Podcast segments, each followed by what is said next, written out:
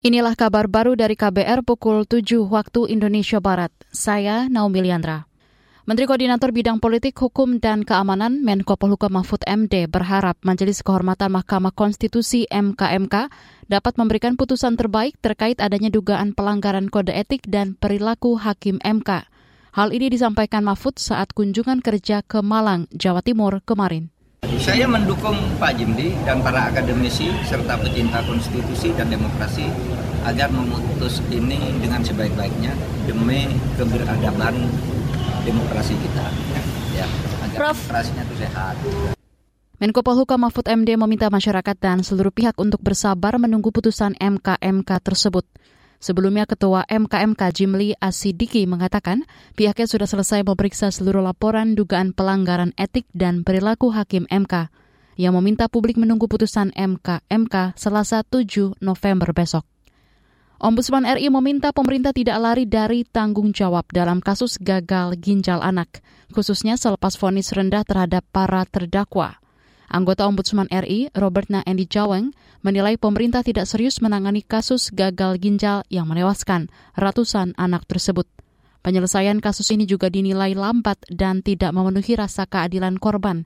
Kata dia masih banyak keluarga korban yang tidak mendapatkan ganti rugi. Tentu perusahaan-perusahaan ini berada di bawah pengawasan pemerintah. Hmm. Karena mereka tidak mungkin beroperasi tanpa izin pemerintah dan tanpa pengawasan pemerintah. Nah, di sinilah eh, apa kaitannya kenapa Ombudsman meminta pertanggungjawaban pemerintah ya yang lalai atau abai dalam mengawasi uh, produksi dan distribusi tadi. Pemerintah tidak bisa lari uh, dari uh, tanggung jawab itu. Nah, dalam konteks ini tanggung jawabnya adalah yang kami sampaikan lewat apa? Lewat kompensasi atas kerugian yang diderita oleh uh, korban. Itu tadi anggota Ombudsman RI Robert Na Endi Jaweng.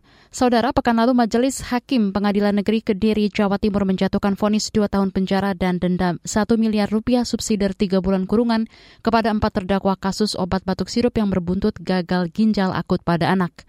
Vonis ini jauh lebih ringan daripada tuntutan jaksa dari 7 hingga 9 tahun penjara. Menteri Luar Negeri Amerika Antony Blinken kemarin meninggalkan Tel Aviv menuju Turki untuk melanjutkan lawatan diplomatiknya di Timur Tengah. VOA melaporkan sebelum berangkat, Blinken melangsungkan pertemuan dengan Presiden Palestina Mahmud Abbas di wilayah pendudukan tepi barat.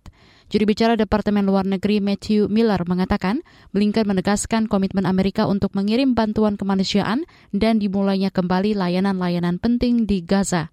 Blinken juga menegaskan warga Palestina tidak boleh dipindahkan secara paksa. Meski begitu, Al Jazeera melaporkan, Blinken tetap menolak permintaan negara-negara Arab untuk mendukung gencatan senjata dengan alasan Hamas masih bisa menyerang Israel.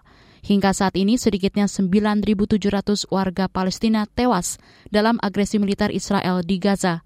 Sementara Badan PBB yang mengurusi pengungsi Palestina, UNRWA, mengatakan 72 stafnya tewas dalam serangan udara Israel. Demikian kabar baru dari KBR, saya Naomi Liandra.